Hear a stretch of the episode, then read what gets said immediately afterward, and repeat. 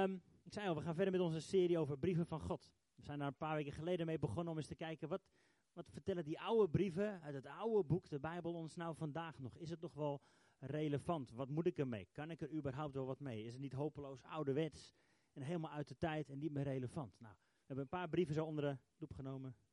Dankjewel. Bijvoorbeeld 1 Johannes hebben we bekeken. Over een, een leven in licht of een leven in liefde.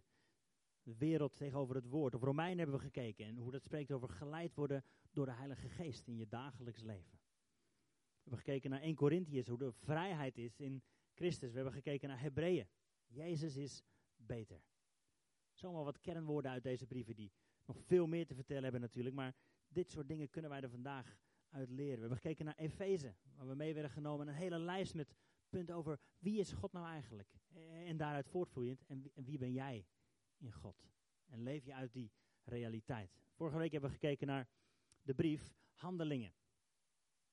Een mooie beschrijving van het ontstaan van de eerste kerk en het daaruit voortvloeiende ontstaan van heel veel andere kerken. Over hoe er werd gewacht op de Heilige Geest en hoe er werd gewandeld in de kracht van de Heilige Geest. Nou, hele bijzondere dingen om te lezen. Vandaag gaan we lezen uit de brief aan de Filippenzen. Die gaan we eens onder de loep nemen. Ik zei al, we gaan hiermee door totdat het mei wordt. En in mei hebben we Movie May. Dus voor de filmliefhebbers onder ons, maar ook juist niet onder ons. Voor die mensen die om ons heen staan, voor onze buren, voor onze vrienden. Die wel van films houden, maar die misschien niet zo snel naar de kerk zouden komen. Fantastische gelegenheid om ze juist wel uit te nodigen. We gaan uh, waarschijnlijk onder andere kijken naar stukjes uit The Hobbit. Mace Case, ook erg leuk. Uh, en nog een paar andere toffe films. Die spreken over realiteiten van Gods koninkrijk. Dus we pakken zeg maar moderne gelijkenissen die jouw buren wel begrijpen. Doen er wat lekkers bij, wat drinken erbij. Je zit hier ontspannen. Maar ondertussen wordt het woord van God gepredikt. Dus dat gaan we doen in mei. Tot die tijd gaan we door met deze brieven aan God. Nou, vandaag dus Filippenzen. Eerst een klein beetje achtergrond. Vorige week lazen we al uit Handelingen. Handelingen hoofdstuk 15 en 16. Daar zie je een beetje hoe, hoe Filippenzen, de gemeente in Filippi, ontstaan is. Kleine terugblik. Handelingen 15, 16. Dat begint eigenlijk met een kleine ruzie. Of een grote ruzie. Dat bestaat dus ook in de Bijbel. Paulus en Barnabas gingen al jaren samen op reis, trokken samen op. Maar Barnabas wilde er graag een oude bekende bij halen. Die zei, laten we op onze volgende reis, laten we Marcus erbij halen. En Paulus zei, nee, dat wil ik niet. Marcus is eerder weggegaan. Hij is niet trouw geweest. Ik ben boos op hem, hij mag niet meer mee.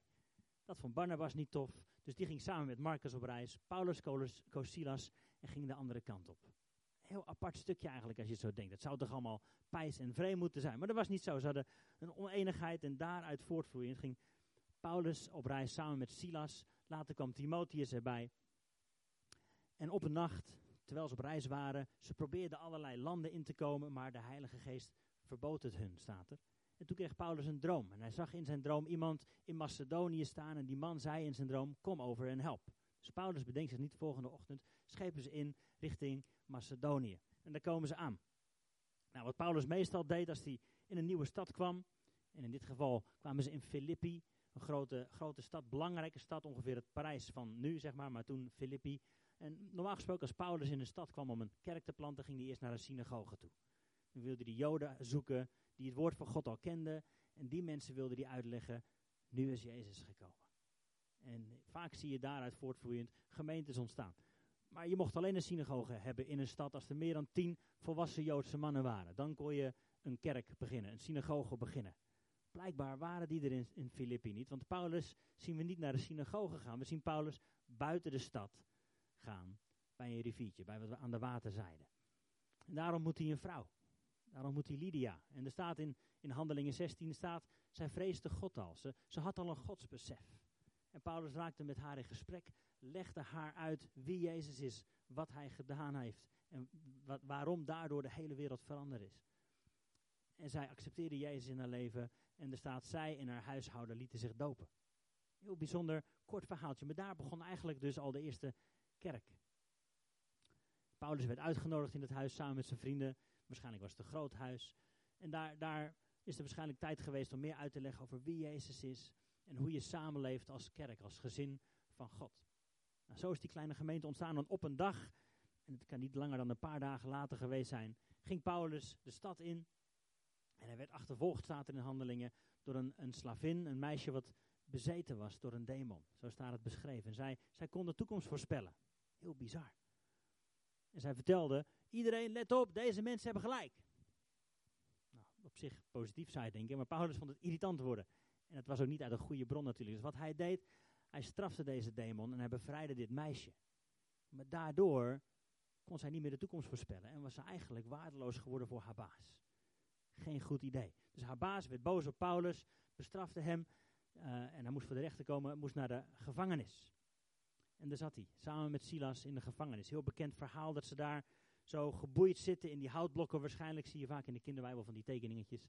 En dat ze daar midden in de nacht in de gevangenis aan het zingen waren. Ze waren aan het zingen. Midden in de gevangenis. Dat je, uh, waarom? Ze hadden hun prioriteiten op orde. Ze waren God aan het aanbidden.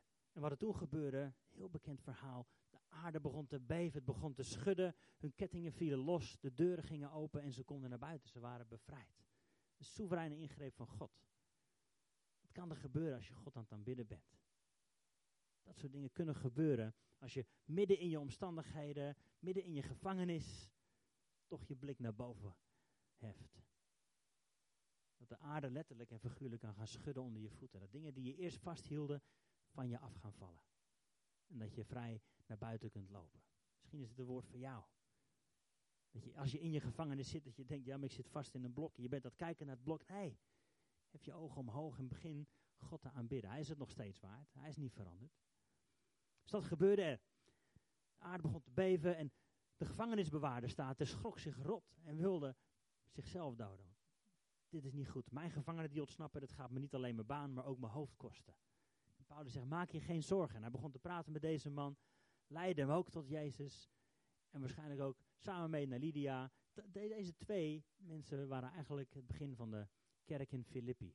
Heel mooi, bijzonder, kort verhaaltje. Misschien een week, een paar weken geduurd. En toen was Paulus alweer weg. Hij moest wel de stad uit na die hele belevenis. Zo is die kerk ontstaan. Nou, eigenlijk een hele korte, heel kort bezoekje van Paulus aan, aan deze stad. En jaren later zit Paulus opnieuw in een gevangenis in Rome en schrijft hij deze brief aan deze mensen in Filippi, waar hij nog steeds met veel plezier en veel liefde aan terugdenkt. Als je andere brieven wel eens leest van Paulus aan, aan kerken die hij gestart heeft, of, of mensen met wie hij in contact is, dan is er altijd wel een, een vermaning of een oproep of hey, stop daarmee en begin daarmee. De brief aan de Filippenzen is eigenlijk één grote, uh, lieflijke brief hele mooie, warme brief. En hij lijkt geschreven, ehm, de reden van het schrijven lijkt omdat ze vanuit Filippi hadden ze iemand gestuurd naar Paulus om hem te helpen. Epaphroditus, zo heet die beste man. Je mag hem ook Epa noemen waarschijnlijk. Die hadden ze gestuurd om hem te helpen. Deze man werd ziek en Paulus besloot om hem terug te sturen, zodat hij thuis kon zijn, om daar te herstellen en weer daar dienstbaar te zijn. Dus dat lijkt de reden te zijn van deze brief. Hij schreef hem, gaf hem aan hem mee. En ehm, een paar thema's, een paar kernwoorden die ik eruit wil pakken, die voor ons ook nog steeds van toepassing zijn. Ik, schreef, ik zei al, hij zat weer in een gevangenis in Rome toen hij dit schreef. schreef. En voor mij, ik heb hem weer eens in één ruk doorgelezen, voor mij staat er één kernwoord dik gedrukt. En dat is doelgericht. Als je de brief van Filippenzen leest, is het één doelgerichte brief. Die mensen op, op, oproept, aanmoedigt, aanvuurt, vraagt, leef alsjeblieft doelgericht. Voor mij is de kerntekst, en er zijn natuurlijk heel veel kernteksten, maar één vers, hoofdstuk 1 vers 27 staat hier ook achter mij. Misschien kun je meelezen. Eén ding is belangrijk, zegt Paulus tegen deze vrienden. Eén ding is belangrijk. Leef op een manier die past bij het goede nieuws over Christus. Eén ding is belangrijk leven op zo'n manier die past bij het goede nieuws over Christus. Eén ding. Eén ding. Mooi, de hele Bijbel staat vol met één ding. David die dat zegt tegen God. Koning David in het Oude Testament in de psalmen zegt, één ding zoek ik. Te blijven in uw huis. Alle dagen van mijn leven. Ik heb een to-do-lijst van hier tot ginter, maar één ding is belangrijk. En dit zegt Paulus, één ding. Leef op zo'n manier die past bij het goede nieuws over Christus. En ik zei al, het is een hele doelgerichte brief. Een hele doelgerichte brief. Ik moest een beetje denken aan een, aan een beeld van iemand die, die weet, ik ga die berg beklimmen. Maar toen dacht ik, misschien kan ik het iets relevanter maken. Alfons, die sprak hier een paar geleden over zijn, uh, zijn stapjes naar het hardlopen. Hoe die, dat, hoe die daarmee begon, hoe die daarmee moeizaam begon. Hoe het stapje voor stapje ging, hoe die de eerste dag misschien een paar minuten kon hardlopen. Totaal kapot was. Toch verder ging om het te proberen. En vandaag loopt die beste man een marathon in Rotterdam. Gebeden zijn uh, belangrijk, denk ik. Maar heel doelgericht. Dwars door de pijn heen, dwars door je grenzen heen. En daarvoor moet je een heleboel dingen laten en doen. Je moet gaan leven op zo'n manier die past bij je voorbereiding op dat wat komen gaat. Alfons heeft nee gezegd tegen een heleboel dingen die ook heel leuk zijn, die ook heel belangrijk zijn. Maar nee, hij weet, dit is mijn doel. Ik wil die marathon dan lopen, dus dat betekent dat ik vanavond geen wijntje drink. Ik wil die marathon dan lopen, dus ik ga vanavond vroeg naar bed. Heel doelgericht is deze brief. Nou, een paar kernwoorden die daarbij horen. Je moet uitgerust zijn met het juiste gereedschap, heb ik erboven gezet. Als je heel doelgericht wil leven, als je die berg wilt beklimmen, als je die marathon wilt lopen, heb je het juiste gereedschap nodig. Je hebt bijvoorbeeld goed schoeischool nodig. Nou, een paar dingen die volgens mij Paulus hier wegzet als het juiste gereedschap om dat leven te leiden, die past op het goede, past bij de, het goede nieuws over Christus, is nummer 1 vreugde. Filippenzen staat vol met het woordje vreugde of blij zijn of blijdschap. Staat er vol mee. Nou, als er één woord is wat volgens mij juist vaak niet gebruikt wordt over christenen, is het wel het woordje vreugde. Lijkt wel of we in azijn gedoopt zijn soms. Dat geldt voor ons, voor onze broers en zussen over de hele wereld. We staan niet vaak bekend als mensen die vrolijk zijn. Uh, een woordje wat wel vaak gebruikt wordt is hypocriet. Dat hoor je wel nu wel natuurlijk. Maar dan denk ik, ja, dat is ook een beetje hypocriet. Want iedereen is een beetje hypocriet. Want uiteindelijk beoordeel je jezelf altijd op je intenties. Ja, maar ik, ik bedoelde het wel goed. en beoordelen we die ander altijd op wat hij nou echt gedaan heeft. Dus iedereen is wel een beetje hypocriet. Maar vreugde. Jullie moeten blij zijn, staat er in hoofdstuk 4, vers 4. Jullie moeten blij zijn omdat jullie bij de Heer horen. Ik zeg het nog eens. Wees altijd blij. Nou, dat is een van de vele versen die Paulus aanroept. Als je gaat leven op zo'n manier die past bij Jezus, dan hoort daarbij vreugde. Nehemia 80, de vreugde van God is je kracht. De vreugde laat het je bron zijn, laat het je kracht zijn. Ik zat even te kijken op internet. Willem Wever, iedereen kent hem wel, zegt over lachen, over blij zijn. Als je heel erg moet lachen, dan scheiden je hersenen een stofje uit en dat heet endorfine. Dat is een pijnstillende stof waar je je lekkerder van gaat voelen. Lachen vermindert stress, depressie, bezorgdheid, slapeloosheid. Door eens goed slap te lachen lijken grote problemen vaak een stuk kleiner. Lachen stimuleert je immuunsysteem van je lichaam. En dat zorgt voor de afweer van bacteriën en virussen. Dus als je vaak lacht, word je minder snel ziek. Lachen zet veel spieren in beweging. In je gezicht alleen al 15 spieren. Ook spieren in je buik, je middenrif. Alles spant aan als je lacht. Andere spieren ontspannen zich juist weer als je lacht. Lachen bevordert je bloedsomloop en verlaagt je bloeddruk. Dus niet alleen Paulus zegt dat lachen en vreugde gezond is, Willem Wever zegt het ook. Nou, hoeveel meer bewijs wil je hebben? Vreugde. Vreugde. Hoe vaak? Wanneer heb jij voor het laatst helemaal dubbel gelegen? Vaak worden heel serieus. Denk je, ah, het is te lang geleden, denk je niet? Het is te lang geleden. Er mag vaker gelachen worden. Vaak maken we het leven zo moeilijk en zwaar. En als je dan christen wordt, ja, dan moet je helemaal nee zeggen tegen allemaal geneugten van het leven. Maar lachen en vreugde moeten kenmerkend zijn voor jou en mij. Hoe is jij bekend als je gaat kijken langs de lijn bij het voetbalveld bij je kinderen of op het schoolplein? Ben jij vol vreugde? Het is een tool die God je wil geven. Het is een belangrijk gereedschap in je leven om God te kunnen volgen, is vreugde. Het is de kracht voor jouw leven. Vreugde, blijdschap. Nummer 1 was dat, vreugde. Nummer 2, die Paulus hier wegzet als hoe je kunt leven op zo'n manier die bij Christus past, is in hoofdstuk 2, of 1 vers 4 staat het goede nieuws bekendmaken. Elke keer als ik voor jullie bid, doe ik het met vreugde, want vanaf de dag dat jullie zijn gaan geloven, zegt hij, hebben jullie altijd meegeholpen om het goede nieuws bekend te maken. Het goede nieuws bekend maken. Was, dat was voor Paulus een, uh, noem dat? Een reden om blij te zijn. Omdat deze mensen hem uh, financieel of op een heleboel andere manieren geholpen hadden om het goede nieuws bekend te maken. En ook daarmee staat Filippenzen vol. God heeft jou gered opdat je een getuige bent voor de mensen om je heen. God heeft jou gezegend opdat jij een zegen kunt zijn voor de mensen om je heen. God heeft het goede nieuws aan jou bekendgemaakt, opdat jij het goede nieuws weer bekend zult maken. En wat een hele mooie trend is, denk ik, vandaag de dag, is dat het niet langer alleen in de kerk gebeurt. Misschien juist wel minder in de kerk, maar vaker op maandagochtend. Vaker op woensdagmiddag, vaker op vrijdagavond, waar je ook bent. Dat jij en ik toegerust zijn om dat goede nieuws bekend te maken. Niet dat we het kunnen afschuiven en zeggen, ja, maar hij is de evangelist hier. Nee. Hoe kun jij het goede nieuws bekendmaken? Als je mensen ontmoet, als je al jaren naast die collega's zit, als je al jaren naast die buren woont, vraag ik mezelf ook af, hoe kan ik deze mensen het goede nieuws bekendmaken? Welke taal spreken zij? Kijk, als je, als je een uh, zendeling wil worden in China, dan is het duidelijk. Dan moet je die taal gaan spreken, dan moet je die cultuur gaan kennen, dan ga je erin verdiepen, dan ga je studeren.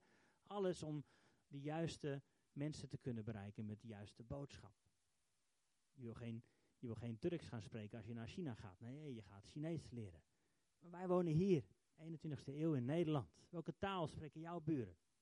Hoe kun jij het goede nieuws bekendmaken? Zonder die talen Kanaans. Maar dit hoort helemaal bij leven op zo'n manier die past bij Christus. Nummer 1, vreugde. Wees blij. Hij weet waar hij het over heeft. Ik zei net al, hij zat in de gevangenis, maar hij was aan het zingen. Hij zat vastgebonden, maar dat liet hem niet zijn hart bedrukt maken. Juist extra hard ging hij zingen misschien wel. Wees blij. Is het altijd een gevoel? Hmm. Net zoals liefde niet altijd een gevoel is. Het begint wel met een keuze. Vandaag, ik weet niet wat er gaat gebeuren, ben ik blij. Waarom? Omdat ik bij God hoor. Omdat ik eerst die kant op aan het wandelen was. Met mijn eigen keuzes, mijn eigen overtuigingen liep ik richting afgrond. Maar God is er tussen komen staan en heeft me omgedraaid. En daarom ben ik blij, omdat ik nu leef richting het eeuwige leven. Dat is mijn vreugde. Dus dat is nummer één. Leef op zo'n manier die past bij Christus. Wees blij. Nummer twee, maak het goede nieuws bekend. Volgens mij heeft Paulus het hier over een, een one-package deal. Als je het ene aanschaft, krijg je al het andere er gratis bij.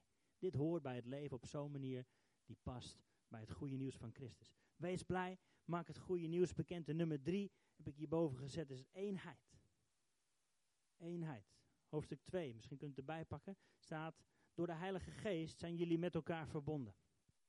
Jullie zijn goed voor elkaar en jullie leven met elkaar mee. Daar ben ik blij om. En mijn vreugde zal volmaakt zijn als jullie helemaal één zijn. Jullie allemaal hetzelfde willen, het met elkaar eens zijn en allemaal veel van elkaar houden. Wauw, eenheid. Een van de moeilijkste dingen, denk ik, die past bij het leven op zo'n manier, die past bij, bij het goede nieuws van Christus. Eenheid. Want we zijn met zo heel veel verschillende mensen met zo heel veel verschillende mensen. En me pas weer te verdiepen in, in hoe werkt het nou als je met teams werkt en zo. En ik kwam die oude driesprong tegen, die nog steeds heel erg waar is. Als je met een, een team zit, een groep mensen zit, dan heb je altijd individuen. Jij en ik, individuen. Binnen een team zijn er altijd individuen met individuele noden, vragen, achtergronden, issues, noem maar op. Maar daarnaast heb je ook het team. Hoe, hoe gaat dat met elkaar om? En daarnaast heb je een taak. Die drie dingen. Individu, een team of een groep en een taak. En op al die drie fronten denk ik dat Paulus ons oproept tot eenheid. Jij als individu, heb je je hart open voor de mensen om je heen? Wil je één zijn? Als groep hebben we ons hart open naar elkaar. Ook naar de buitenwereld. En hebben we onze taak duidelijk. Die drie dingen. Een ander dingetje waar ik uh, over aan het lezen was. Altijd als je een team aan het vormen bent, als je een kerk aan het vormen bent, of welke willekeurige groep dan ook, dan heb je altijd vier fases die altijd naar boven komen. In goed Engels is dat forming. Storming, norming, performing. Vier dingen die overal tegenkomt. Of het nou is op je werk, of, of uh, bij een sportclub, of hier in de kerk. Het is altijd een moment van vorming. Je formeert iets, we beginnen ergens aan. We gaan iets doen. We vormen iets.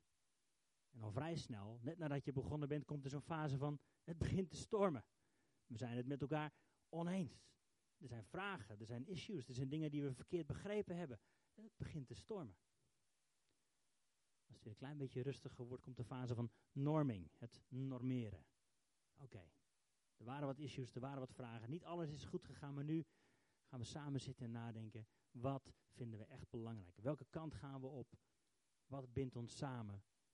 Het normeren. En daarna komt het performing. Daarna gaan we aan de slag. Daarna gaan we scoren. Daarna gaan we dat doen waar we voor bedoeld zijn. En dat is goed ook, denk ik, voor ons als kerk om ons dat weer bewust te worden. ik weet niet zo goed in welke fase we nu zitten. Nou, het, uh, het, formeren hebben we achter de rug. We staan nu twee jaar, we pas feest gevierd, taartje gegeten, lekker. Er zitten wat fases van, van hey, storming. Er zijn wat vragen onderling, maar waarom doen we dit zo? En welke kant moeten we eigenlijk op? En wat is nou eigenlijk echt belangrijk? En wat onderscheidt ons? En wat is onze taak? Laat het lekker stormen. Goede vragen, die ons alleen maar vooruit gaan blazen. Daarna komt het normeren.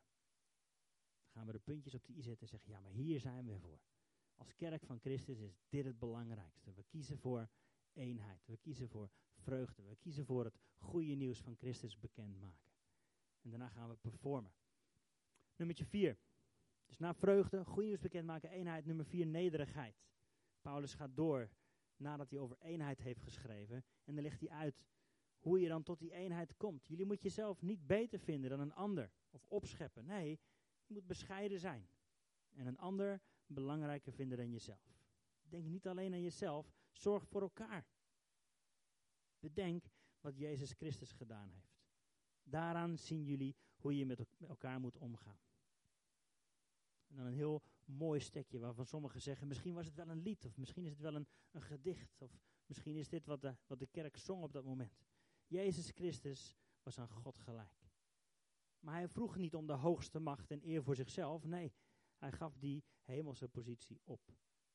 Hij maakte zichzelf zo onbelangrijk als een slaaf. Hij kwam als mens op aarde. En toen hij leefde als mens, dacht hij niet aan zichzelf. Nee, hij was gehoorzaam aan God. Zelfs toen hij moest sterven, sterven aan het kruis. En omdat hij dat deed, heeft God hem de hoogste plaats gegeven. God gaf hem de hoogste eer, de eer die voor hemzelf bestemd is. En daarom zal iedereen voor Jezus knielen. Alle engelen in de hemel, alle mensen op aarde, iedereen in het land van de dood. Dan zal iedereen zeggen, Jezus Christus is Heer. En op die manier zal iedereen God, de Vader, eren. Dat is het hart van Jezus, is nederigheid. Jezus zegt over zichzelf, ik ben niet gekomen om gediend te worden. Ik ben gekomen om te dienen. Ook een mooie trouwens, want Vaak roepen wij elkaar juist op om Jezus te dienen. Toch? Als christenen willen we graag Jezus dienen. Jezus, ik ben niet gekomen om gediend te worden.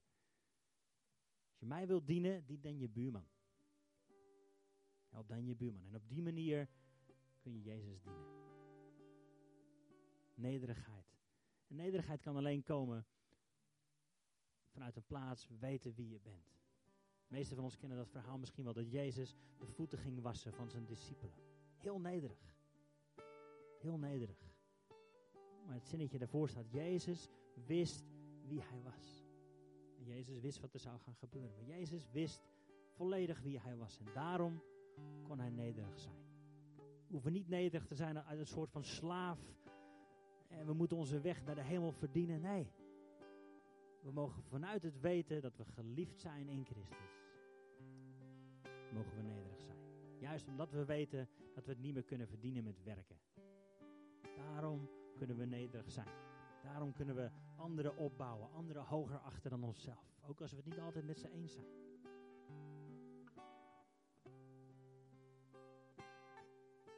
Eenheid en nederigheid gaan hand in hand. Zonder het een, niet het ander. Daarna, waar Paulus ook veel over schrijft in deze brief van Filippenzen, is het een stukje genade en werken. Die lijken wel lijnrecht tegenover elkaar te staan of allemaal genade en je hoeft niks meer te doen. God houdt toch wel van je, het maakt geen fluit meer uit wat je doet. Of het is, ja nee, maar je moet wel de juiste werken doen, anders hoor je niet bij God. Die twee dingen zien we vaak tegenover elkaar gebruikt worden. Paulus zegt erover in hoofdstuk 3, vroeger dacht ik dat ik een goed mens was, maar nu weet ik dat het verkeerd is om zo te denken.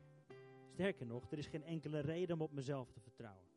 Het gaat om Christus, mijn Heer. Het enige wat ik wil, is bij Hem horen. Het gaat om Christus. Ik heb al het andere opgegeven. Alles wat ik vroeger belangrijk vond, vind ik nu totaal waardeloos.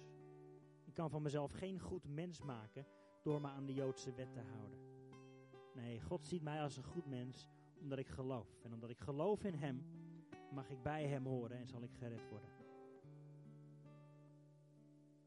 Ik kan van mezelf geen goed mens maken door me aan de wet te houden. Maar God ziet mij als een goed mens omdat ik geloof. Een mooie manier om het te verwoorden is denk ik, we zijn niet gered doorwerken. We zijn gered voorwerken. We zijn gered om op zo'n manier te leven die bij het goede nieuws van Christus past. Natuurlijk, als je gered bent, als je de liefde van Jezus kent, als je zijn, zijn genade kent, natuurlijk past daarbij dat je zegt, ja maar dan ga ik nu dit doen. En niet meer dat. Natuurlijk zullen goede werken voortvloeien.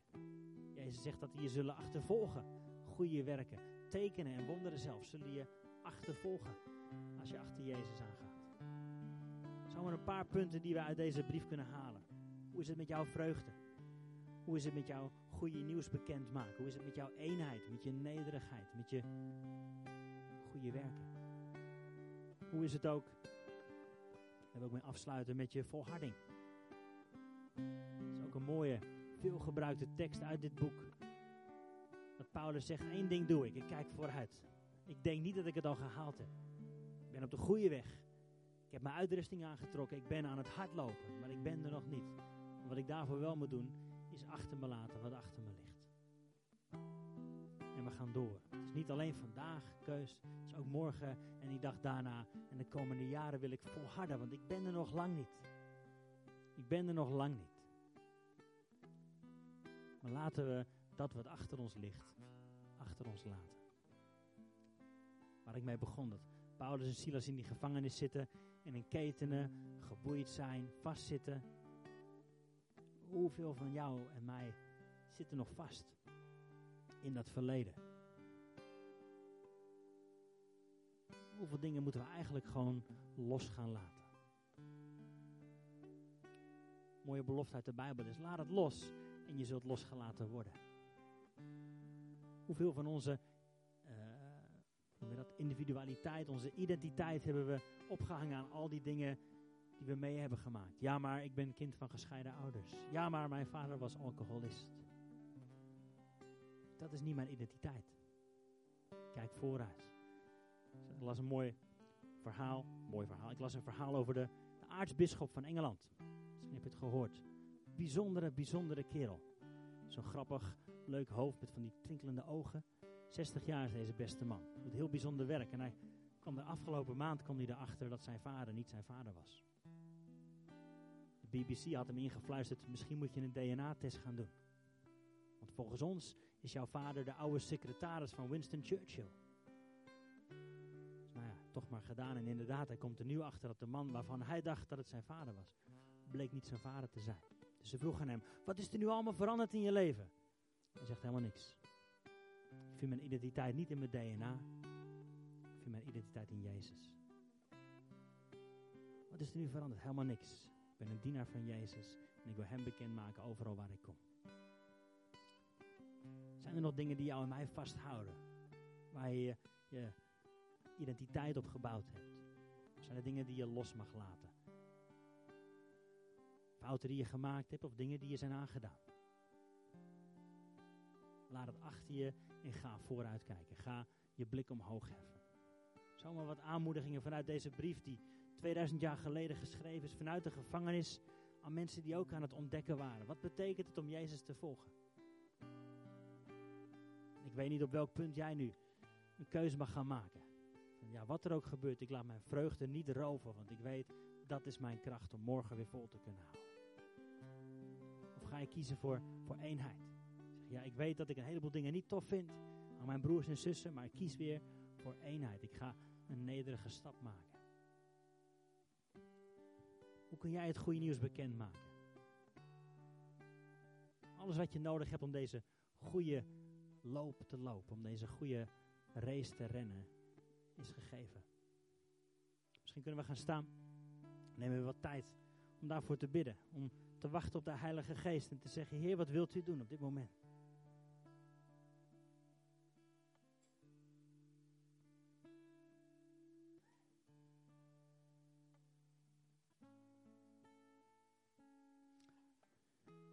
Vader, dank u wel dat we zomaar uit uw woord mogen lezen. Zomaar in kunnen drinken die woorden van waarheid. Woorden die ons leven willen geven. Woorden die ons willen vrijmaken.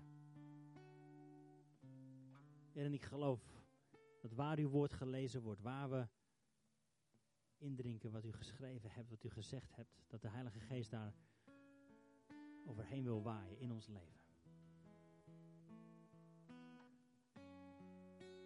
U wilt dat op dit moment doen. Als we een heleboel woorden en dingen voorbij hebben horen komen. U kent ons heel persoonlijk en u weet precies waar we nu voor staan. U weet precies wat ons nu vasthoudt.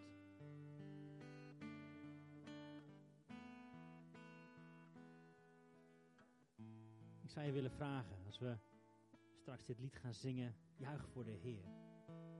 Om dat heel bewust te gaan doen. Net zoals Paulus en Silas dat toen heel bewust deden. Toen zaten ze vast met hun handen en voeten in die houten blokken.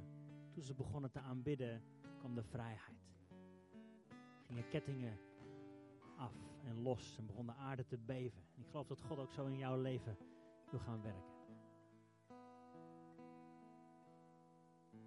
Dus je ogen niet alleen maar op je situatie richt, maar naar boven. Naar je redder, naar je bevrijder, naar degene die van jou houdt, onvoorwaardelijk. Dat we dan weer gaan meemaken dat er vrijheid komt. Elke dag een beetje meer vrijheid om te leven met Christus. Om te leven op zo'n manier die past bij het goede nieuws van Jezus. Een leven van vreugde. Een leven van volharding. Een leven van eenheid. Een leven, een leven wat heel doelgericht is om zijn goede nieuws bekend te maken.